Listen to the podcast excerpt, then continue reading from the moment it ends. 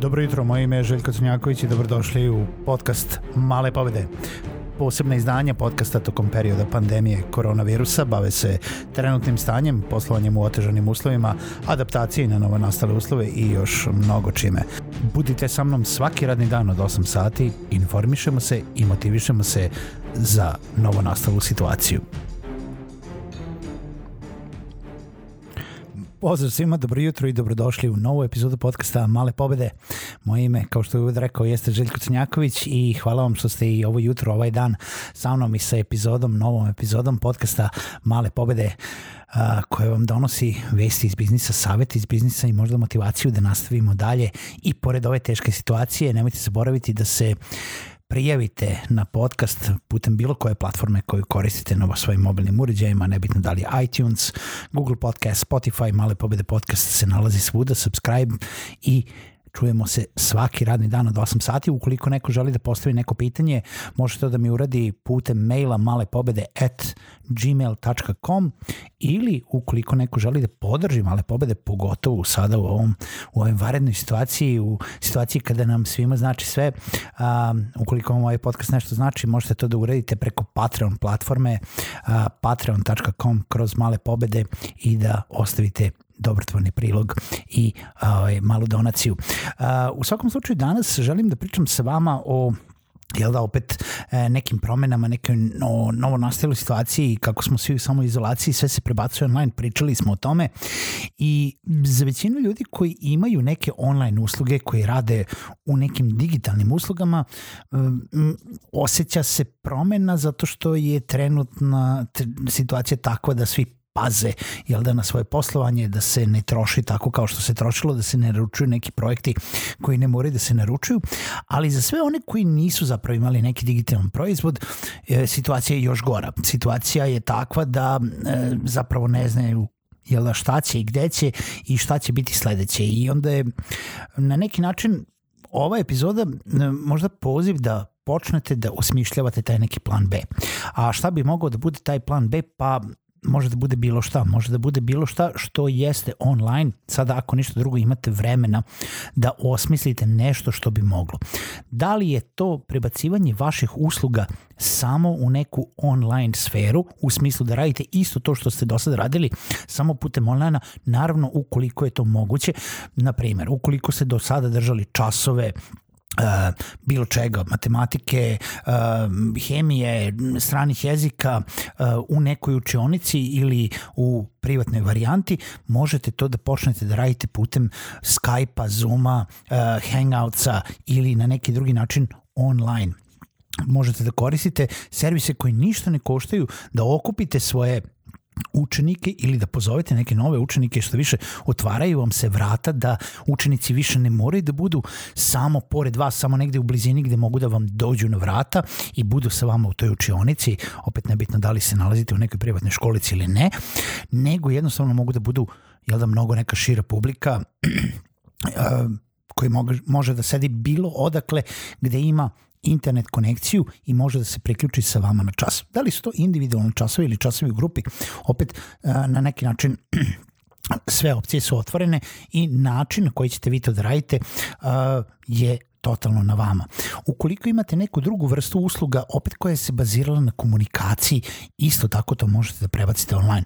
Da li ste imali neke um, konsultativne sesije, edukativne sesije, ukoliko ste radili bilo gde gde je vaš primaran način uh, sama komunikacija sa nekim klijentom, konsultantska usluga, sve to možete prebaciti online. Nemojte čekati da prođe situacija, nego nastavite direktno, kontaktirajte te vaše klijente, kontaktirajte te vaše učenike, uh, pacijente, šta god to bilo i možete da radite online sesije.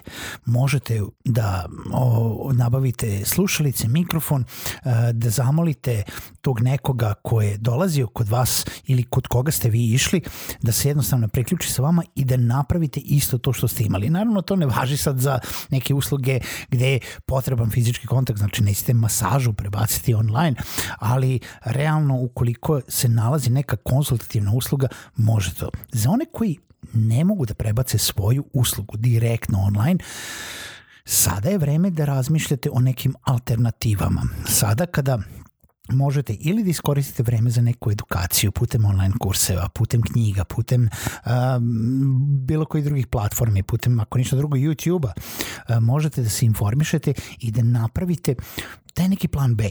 Šta se to uvek hteli da radite? Imajte na umu da jel da, baš kao što sam do sada u prvoj polovini pričao, jeste jedan od osnovnih stvari koje možete da radite putem neta ukoliko jel da niste programer ili neko ko nudi neku servis, uslugu u digital, digitalni proizvod kao takav, uvek možete da edukujete nekoga. I sad, kad kažem edukujete, ne moram nužno da mislim na to da ste neki profesor, da ste um, na bilo koji način završili uh, neku višu školu, fakultet ili visoko obrazovanje zato da bi edukovali nekog. Ne mislim na takvu edukaciju, mislim na neformalnu edukaciju i uh, možda se neko neće složiti sa mnom, ali realno ako se jako dobro zamislimo i ako se jako dobro potrudimo, uh, Prvo, svako ima neko znanje koje može da podeli. Svako ima nešto što bi možda nekoga zanimalo. To možda neće biti svako.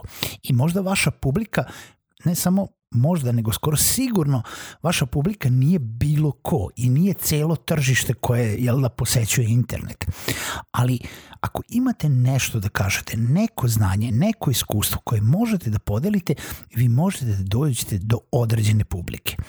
Da li to znanje može da se naplati ili ne je samo pitanje koliko ćete da ili samo napravite plan i jel da, prenesete to znanje koje već imate ili koje ćete prvo da produbite zato da bi možda mogli da, jel da date taj dodatni, dodatnu vrednost kako bi mogli to da naplatite. I ja sam ne kažem da ovo treba da bude biznis model i da se svi okrenemo kompletno onim uslugama. Kažem, jer slušam u poslednje vreme mnogo ljudi kako se češe po glavi i češe tamo još uvek samo po glavi, ali češat ćemo se tamo gdje nas ne svrbi, zato što smo izuzetno zabrinuti oko situacije, zato što se ceo posao na koji su oni se oslanjali trenutno gasi i trenutno nisu u mogućnosti to da, to da rade. I možda nije sada vreme da se proda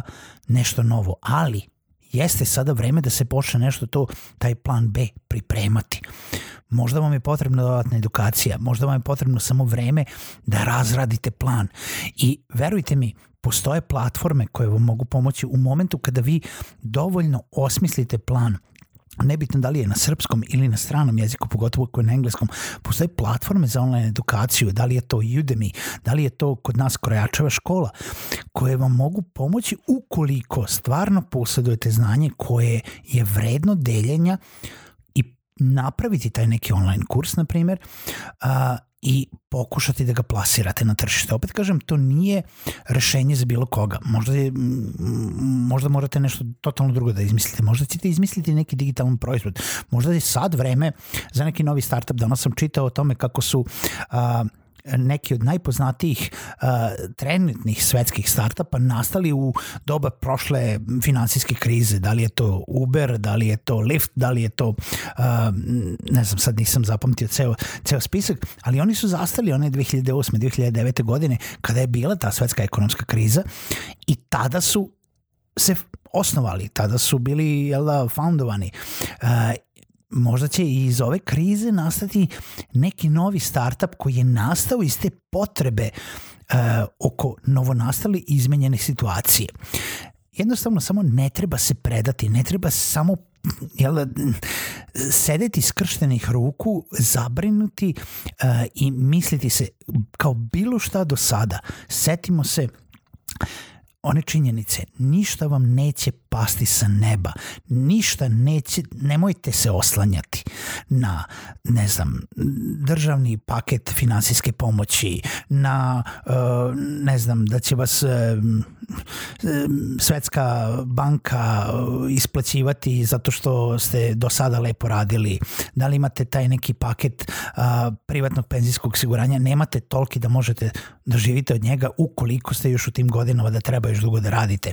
U svakom slučaju nije to još toliko jel da, dogorelo u tom smislu, ali opet je sve na vama i nemojte se predavati, nemojte da jednostavno prepustite sve slučaju izmislite nešto novo. Ako ništa drugo, mi smo bar dobri u adaptaciji. Ako je nešto dobro u zemlji Srbiji, jeste da nas ništa ne može prokleto iznenaditi. A, bilo šta da nam bace, ne može, ba, ne, ništa me više ne iznenađuje, ne iznenađuje me da ima struje, da nema struje, da ima interneta, da nas zatvore u kuće, da je ratno stanje, da nije ratno stanje, da uh, nas zovu vojsku, da nas ne zovu vojsku, da imamo šta da jedemo, da imamo uh, besplatnu medicinu, da, da se plaća ovo, da se plaća ne, porez, da se ne plaća porez, ništa nas ne može iznenaditi. Jednostavno ništa, na sve se možemo adaptirati.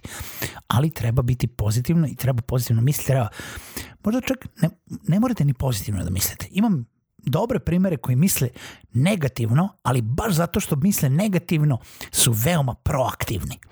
Pa i vi budite proaktivni. Mala pobeda za danas je nebitno što sedimo kući u samoizolaciji. Budite proaktivni, osmislite taj neki projekat ili ako ništa drugo, nađite sebi tu neko, to neko vreme za tu dodatnu edukaciju da biste jel da posle bili proaktivni da bi imali taj plan B. Čujemo se sutra u narednoj epizodi podcasta Male pobede.